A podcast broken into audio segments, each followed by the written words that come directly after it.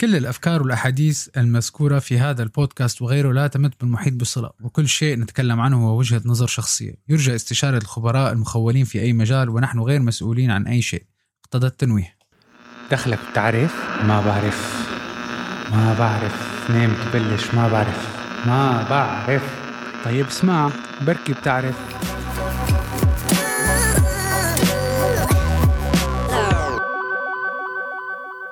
صباح الخير جميعا بحلقة جديدة من بودكاست ما بعرف. اليوم حنحكي عن موضوع شوي له علاقة بالحلقة اللي قبلها اللي حكيناها ولكن في له تشعبات كتير كتير كتير تانية ورح تشوفوا شو قصدي بهي التشعبات. قعدت صار لي فترة دائما كنت عم بقرأ عن مواضيع إنه شو الفرق بين الناس العاديين والناس اللي ناجحين بالحياة. طبعا ناجحين ماديا ومعنويا واقتصاديا وتعليميا. وصلت لنتيجة إنه في أشياء هي العالم بتعملها وما بيعملوها إنه لأنه والله هن مخهم أحسن منا ولا عقلهم ولا طريقة تفكيرهم ولا حياتهم بالعكس حتى في كتير جزء كتير كبير منهم إجا من حياة كتير تعيسة بالصغر أو حياة كانت فيها فقر مدقع أو اجوا من backgrounds كتير مختلفة عن شو هن اللي وصلوا له. بس باعتبار كل الناس تطمح للنجاح والوصول لأعلى المراتب بالحياة. هذا الشيء ما بصير من عدم أو لحاله. أكيد في أشياء الناجحين بيعملوها وجزء كبير منها بيعملها أو حتى آه، بفكر إنه بيساوي مثل ستيبس آه، أو بيعمل خريطة كاملة ليعملها. بينما الناس العاديين ما بيفكروا كيف يعملوها ولا حتى بتجي على باله إنه يا أخي أنا ممكن آه، إنه حاول أنا متأكد بهي الحلقة اليوم ممكن في شوية ناس ممكن ينزعجوا من الموضوع أو ما يعجبون الحكي لأنه بيجي بيقول لك طيب أنا ما بعرف شو أعمل أنا بدي صير مليونير أنا بدي صير ناجح أنا بدي أعمل شغل كتير كبير بس ما بعرف شو أعمل. ولذلك بيجي هون بودكاست ما بعرف مشان إن شاء الله بآخر الحلقة نصير نعرف. الهدف هون مو إنه حدا يزعل أو حدا يتضايق الهدف إنه نصير نعرف شو هو التصرف الخطأ اللي عم نعمله ونصلحه لنتحسن أكثر بحياتنا. كل التعليقات والمسجات مرحب فيها. وإذا حبيتوا أو ما حبيتوا المحتوى كل شخص فيه يسمع اللي بيناسبه طبعا لكل قاعدة في جواز بس بعد مثل ما بيقولوا الفحص والتمحيص على الإنترنت وبعض الكتب اللي قريتها لقيت إنه في كتير خطوط عريضة معظم الناجحين بالحياة في مجال المال والأعمال والمجتمع بيطبقوها. خلينا نبلش بأول وحدة. أول شيء الناس العادية أو فيكم تعتبرون الناس الفقراء فكريا ولا الفقراء آه، اقتصاديا؟ أنا ما عم بحكي فقراء اقتصاديا بسبب الأحوال الاقتصادية. الناس اللي بيكونوا مثله مثل غيرهم اللي قاعدين بالرات ريس مثل ما بيقولوا اللي عم بيروح من شغله من 9 ل 6 ما عم بفكر لا يطور حاله ولا يرفع من نفسه. فأول عادة هي إنه الناس العاديين بوضعوا بيضيعوا وقت كتير على التلفزيون. إذا كل يوم أنت إنسان بتقعد ساعة أو ساعتين أو ثلاثة على التلفزيون معناتها عندك وقت كتير كتير كبير فيك تستخدمه بشيء مفيد. بيجي واحد بيقول لك إيه بس أنا بحضر التلفزيون لأرتاح وقف تفكير بمشاكلي. وهون المشكلة الأكبر المفروض بهالوقت الفاضي تقعد تشتغل وتفكر كيف فيني أنا أطلع من هي المشاكل المشاكل؟ وتذكروا دائما إنه محطات التلفزيون كل محطة لها الأجندة الخاصة فيها لتخليك تفكر بالطريقة اللي أنت بدك إياها. لذلك بدل ما تضيع وقتك على التلفزيون عندك الإنترنت توفر لك وسائط فيك تحصل فيها على أي معلومة المحددة اللي بدك إياها بدون ما تقضي نص نهارك قاعد عم بتقلب من مسلسل لمسلسل لمسلسل. فأنت بهذا الوقت بهذا العصر إذا قاعد أنت عرفان الفنانة الفلانية شو عندها والفنانة العلتانيه شو عملت وين راحت وين اجت فثق تماما إنه أنت عندك كتير وقت بين إيديك وهذا الوقت فيك تستفاد فيه. الشغلة الثانية اللي الناس الناجحين كتير بيعملوها الناس العادية أو الناس اللي ما بدها تغير بحياتها دائما بيركضوا على الوجبات السريع السريعة بدون مراعاة صحتهم. وبالنهاية تذكر إذا ما كنت أنت صحي من جوا فحياتك كلها حتتأثر على أدائك الفكري والجسدي وحتى العاطفي. ف والاكل على فكرة الأكل الصحي ما إنه والله الواحد يروح على مطاعم فخمة ولا يروح على سوبر ماركتات فخمة. فيك تاكل أكل صحي من البقالة اللي جنب بيتك. بدل ما تروح تشتري الهمبرجر الفروزن المقلي فيك تاخذ تعمل صحن سلطة. فيك تعمل إن شاء الله علبة تونة. في المهم انتبهوا كتير كتير كتير على شو بتاكلوا. النقطة الثالثة الناس العاديين دائما بيشتروا أشياء بالتخفيضات. شو يعني؟ حلو الواحد ياخذ opportunity ويستفاد من آه، صار تخفيض معين لتشتري أواعي أو آه، تشتري شغلات. كنت بدك إياها بس كانت هي بسعر أعلى. ولكن أنا عم بحكي عن طبقة العالم اللي بتكون الطبقة العادية اللي بيروح بده يقرر بده يروح يشتري أعلى الماركات لما بتكون بالتخفيضات. هو شكلك حيبين بالنهاية بالذات إذا الواحد اللبس اللي لابسه منه متوازي مع مستواه الحياتي حيبين مثل واحد عم بيحاول بده يكون شكله غني. واللي هو نحن بنعرف كتير الناس العاديين للأسف بيبين شكلهم غني بس هن من جواتهم بتكون الديون راكبتهم. وهي التخفيضات هي من أكبر أكبر أكبر خدع التسويقيه اللي الشركات بتعملها لأنه بتجبرك أنت بتجبر كتير عالم يشتروا شغلات هن منهم بعازتها. ها ها. هلا الشغله الوحيده اللي فيك تشتريها بالتخفيضات وفيكم تراجعوا الحلقة الأولى من ما بعرف هن الأسهم والاستثمار. لما بيكون أسعار العقارات نازلة فيك تشتري طبعا بالتخفيضات لأنه هذا رح يزيد من نسبة النجاح تبعك وحيزيد من الثروة تبعك. إذا الأسهم نازلة طبعا بقول لك روح اشتري بالتخفيضات الأسهم لأنه هي الأسهم رح تطلع. ومثل ما حكيت فيكم تراجعوا الحلقة الأولى. إذا ما بتعرفوا كيف تبلشوا بالاستثمار فيكم تطلعوا على الحلقة وتبلشوا تنحطوا على الطريق للبداية لنفوت بعالم الاستثمار. النقطة الرابعة الناس العاديين دائما نايمين أو دائما بيتأخروا ليصحوا استثمروا شبابكم بالعمل والتعلم. النوم الزايد ما حيحركك. والنوم الزايد رح يؤدي إلى عدم التطور. وهذا ما رح يفيدك. وتذكروا دائما كل الكبار كل الناجحين بحياتهم. بحياتي ما شفت واحد اجى قال لك والله أنا عندي شركة طويلة عريضة بس أنا في الساعة 12 وحدة بالليل. 12 وحدة الظهر. وقاعد لأنه فلان وعلان عم يساوي لي شغلي. بدك تكون من الناجحين بدك تمسك نهارك من الأول. تمسكه صح وتعرف تماما شو عم تعمل. وفي حلقات كتير جاية عن موضوع البرودكتيفيتي وموضوع كيف نستفاد من نهارنا الصح في نقطة هلأ لاحظتها كمان كتير النقطة الجديدة هي إنه جماعة اللي ما بيقفي مباراة رياضة شو ما كانت نوع الرياضة تبعها إن كانت باسكت ولا فوتبول ولا ولا ولا وهي اللي حتجيبنا النقطة الخامسة. هدول الجماعة اللي ما بيقفوا ولا مباراة ولازم يحضرهم كلهم بضيع على كل مباراة ساعة وساعة ونص وساعتين وثلاث ساعات على المباراة. أه بس لحتى أقول لك شغلة أنت المباراة إذا حضرتها ولا ما حضرتها مالك حتأثر على نتيجتها.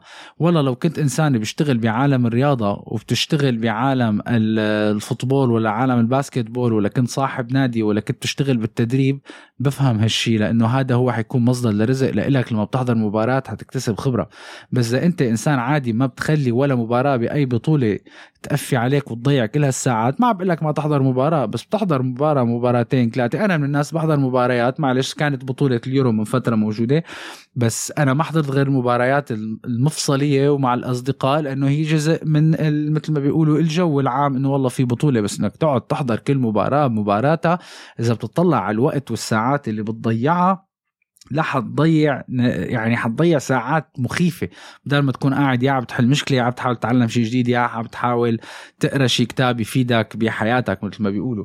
فإذا أنت منك لك أي علاقة بعالم الرياضة وبس مجرد تحضرها لأنه والله أنا داي هارت الفريق الفلاني ولا أنا أنا هذا الفريق في عالم بتضايقوا من ال...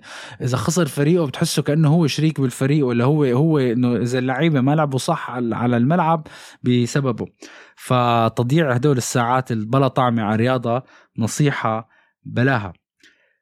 النقطة السادسة رح أحكيها وأنتم رح تستغربوا منها كتير. ألا وهي الحمام والنظافة الشخصية والحمام مو قصدي أنا تلبية نداء الطبيعة الحمام اللي هو الشاور.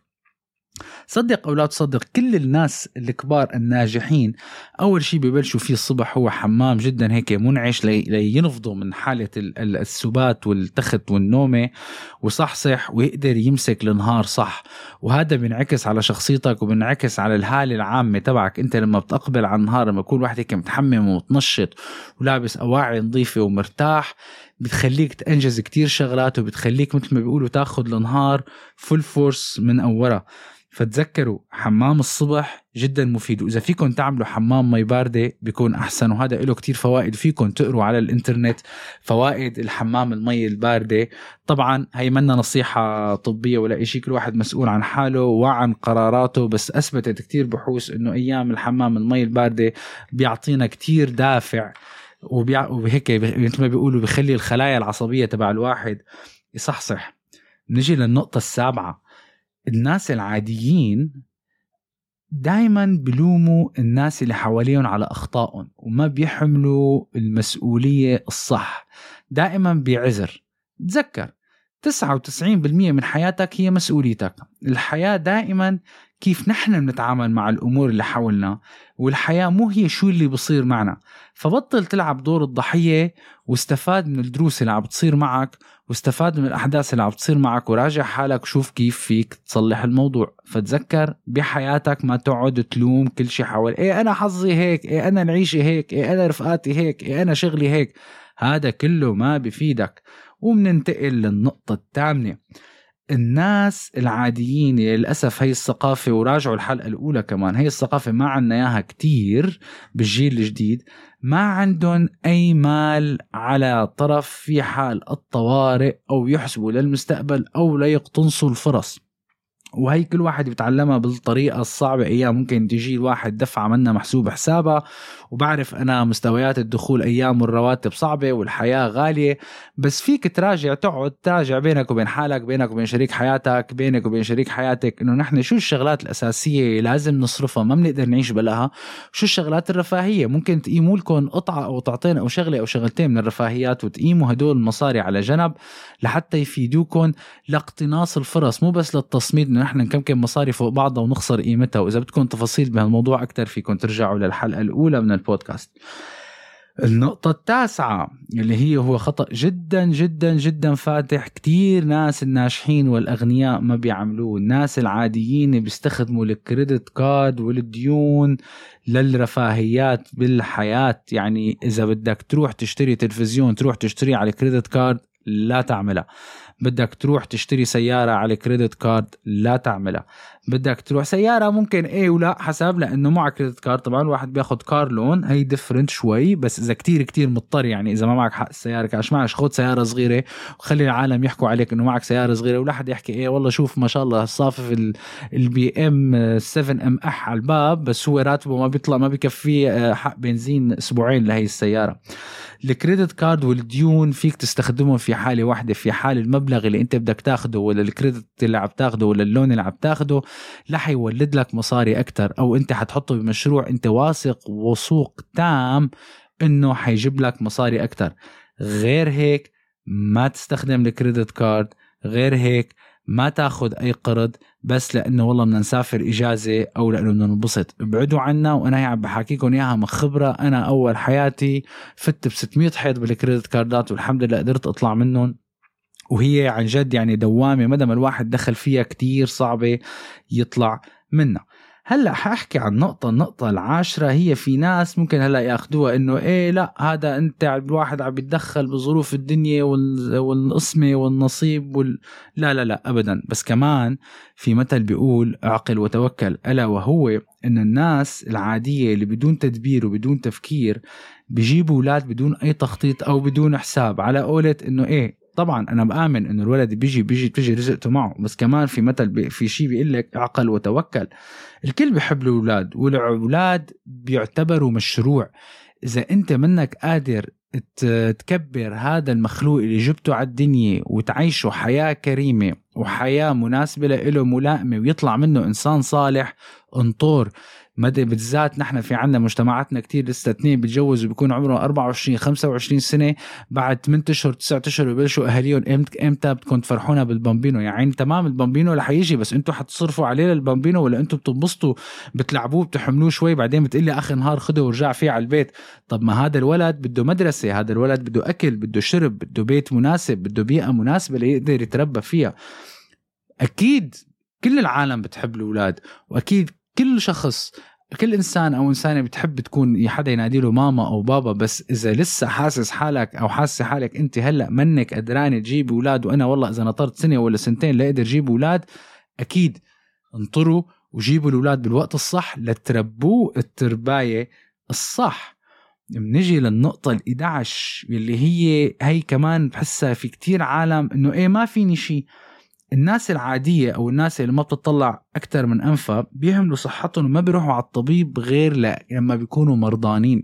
على فكرة في أمراض كتير بتطلع بس ما لها أي عو... ما لها أي عوارض العالم ما بتحس عليها وممكن يكون واحد لا سمح الله الله يحمي الجميع معه مرض وهو منه حاسس وهذا المرض عم بيتطور بجسمه يوم بعد يوم بعد يوم بيروح بيكتشفوا عند الطبيب لما بيكون الوضع مثل ما بيقولوا فات الأوان. أنا بعرف زميلي لإلي بعيد من هون صار معها cancer لو لما هي بتروح كل ست أشهر بتعمل فحص دوري عند الطبيبة تبعها ما كانت اكتشفت ال cancer بمرحلة جدا متبكرة مبكرة والحمد لله الله نفدها وتعالجت. تخيلوا لو واحد صاير معه cancer ولا صاير معه أي complication بجسمه بس هو منه حاسس هو بيروح لعند الطبيب بس لما يصير بطنه طوله مترين من الوجع ولا من الورم ولا من وجع الرأس ولا من وجع الأعصاب. وبيروح بتكون it's too late لأنه ساعتها الطبيب ما بيقدر يعمل شيء. فرجاء كل واحد شو بيقدر على أوضاعه المادية والاقتصادية. ولو مرة بالسنة يا أخي أو مرة كل ست أشهر إذا فيك روح لعند الطبيب بس اعمل check أيام ال check. في كتير مستشفيات وأطباء بكل دول العالم وبكل المناطق ال check ما كتير بكلف. إذا بتقدر روح اعمل check بس لتتأكد إنه كلياته تمام لأنه ممكن أنت تكتشف شغلة خطيرة قبل وقتها وتحمي حالك وتحمي أحبابك حواليك. إذا لا سمح الله صار وفاة. النقطة ال 12 ناس كتير كمان العاديين بيصرفوا المصاري قبل ما تجي وهذا خطأ كتير فادح. بتلاقي واحد فجأة اجى عقد عمل جديد لسه ما وقع على العقد لنفرض إن شاء الله الله يرزق الجميع بيكون راتبه إن شاء الله 10000 دولار بالشهر. ببلش بده يعيش ال mood ل 10000 دولار وهو شغله بده يبلش بعد ثلاث أشهر لسه بيروح بدور بدور على سيارة بده يشتري بدلة آخر موديل بده يشتري ساعة وكله على credit على credit على credit. غلط. ما بقول لك ما تشتري ما بقول لك مصروف بس تصرف بس تفوت المصاري على جيبتك وبعد ما تأمن حالك بحياتك ما تصرف أي شيء أو تتخذ أي قرار اقتصادي على نية إنه إيه أنا حيجيني فلوس من هالبيت أنا حيجيني فلوس من هالسيارة أنا حيجيني فلوس من هالشغل وتبلش تصرف للفلوس قبل ما تجي. حدا بيعرف شو بصير؟ ما حدا بيعرف شو بصير. النقطة ال 13 الناس اللي بضلوا محيطين نفسهم بناس عاديين مثلهم. مثل ما بيقولوا إذا انتو خمس زلم أنت ال average تبع هدول الخمسة. إذا أنت رفقاتك أو رفقاتك حواليكم كلكم شغل طق حنك ولعي فاضي وما في أي استفادة ما في أي شيء عم يضيف لك من هذه العلاقة أو عم يضيف لك من هذه العلاقة يا أخي بلاها. إذا أنت بيقول لك إذا أنت كنت أذكى واحد بال group اللي أنت فيه معناتها صار الوقت إنك تغير هال group. أنا ماني عم بنكر الصداقة هون. الصداقة هي أحلى شيء بالدنيا. بس دائما دور على دوائر عالم بتخليك أنت تحس حالك إنه أنا لازم أشتغل أكثر على حالي لصير مثل كل هالناس اللي حوالي إذا حسيت حالك إنك أنت أذكى واحد غير ال group. إذا حسيت حالك إنك أنت ال average مع هدول العالم كمان غير ال group. دائما دور على ال group اللي بتساعدك to get inspired وبتساعدك إنه يا أخي أنا هذا كيف الزلمة ساوى هيك؟ أنا جاي عبالي صير مثله. النقطة ال 14 في كتير ناس وكلياتنا مو كتير ناس صراحة يعني كلياتنا في شغلات نحن ما فينا نتحكم فيها. ما فينا نتحكم بأهالينا ما فينا نتحكم بالبلدان اللي ولدنا فيها ما فينا نتحكم بالظروف اللي نحطينا فيها ما فينا نتحكم بالظروف اللي نحن محيطة فينا. بس تذكروا كل العالم عندهم 24 ساعة نفسها وأنت فيك تتحكم بهال 24 ساعة شو فيك تعمل وكيف تستخدمها. لذلك شو ما كان وضعك هال 24 ساعة عود ركز شوف شو بدك بالحياة شوف شو بدك فيك تعمل. قديش في عالم عندهم أفكار مخيفة وكبيرة بس ما عرفوا كيف يستفادوا من وقتهم والهي الأفكار كلها اختفت واندثرت حتى قبل ما تبلش. تذكروا دائما ال 24 ساعة أنت عندك إياها واللي الملياردير عنده إياها والفقير عنده إياها والناس العادي اللي عنده إياها والعاطل عن العمل عنده إياها وكل شخص عنده نفس ال 24 ساعة. بيجي لنا نحن القرار بإيدنا كل واحد فينا كيف بيستخدم ال 24 ساعة وهي اللي بتقرر النجاح أو الفشل. النقطة ال 15 والأخيرة الناس العادية في كتير ناس بتعتمد على الأشخاص اللي حاولوا يساعدوهم.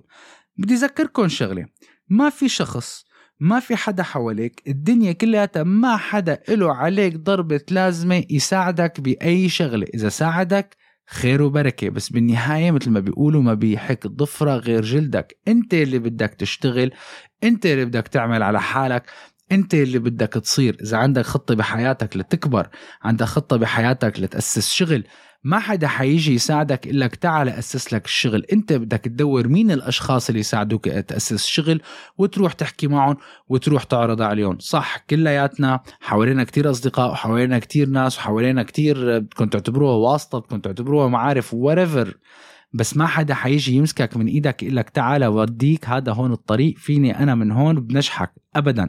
إذا ما أنت بدك تشتغل على حالك إذا ما أنت اشتغلت وقريت وكدحت وعرفت مثل ما بيقولوا من أين تؤكل الكتف ما حدا مضطر بالدنيا يساعدك. في كتير ناس بيغلطوا يا أخي شوف فلان وقت صار فوق ما عاد ساعد حدا اللي حواليه. على فكرة جيس وات منه مضطر.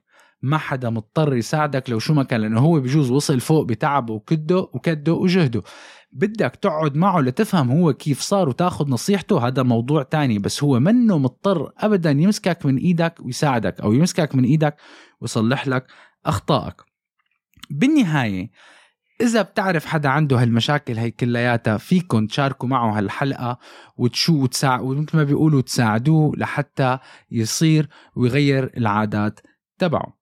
وبالنهاية نحن كلياتنا بنآمن آه، مثل ما بيقولوا آه، بالقضاء والقدر والنصيب. بس كمان ربنا اسعى يا عبدي لاسعى معك. ما في حدا ربنا ما بيحب حدا قاعد ما عم بيعمل شيء وعم بيتأفأف وقاعد بس عم بيسق.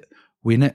كل إنسان حسب إيمانه حسب درجة إيمانه حسب درجة الإيمان تبعه بالدنيا والخالق والله وأي شيء بغض النظر شو ال background تبعك بالنهاية ما حدا آه، حيقعد وحيجيك هيك تنفتح الطاقة من فوق وينزل لك النجاح ولا تنزل لك المصاري ولا ينزل لك الوحي ولا ينزل لك الشغل لتصير.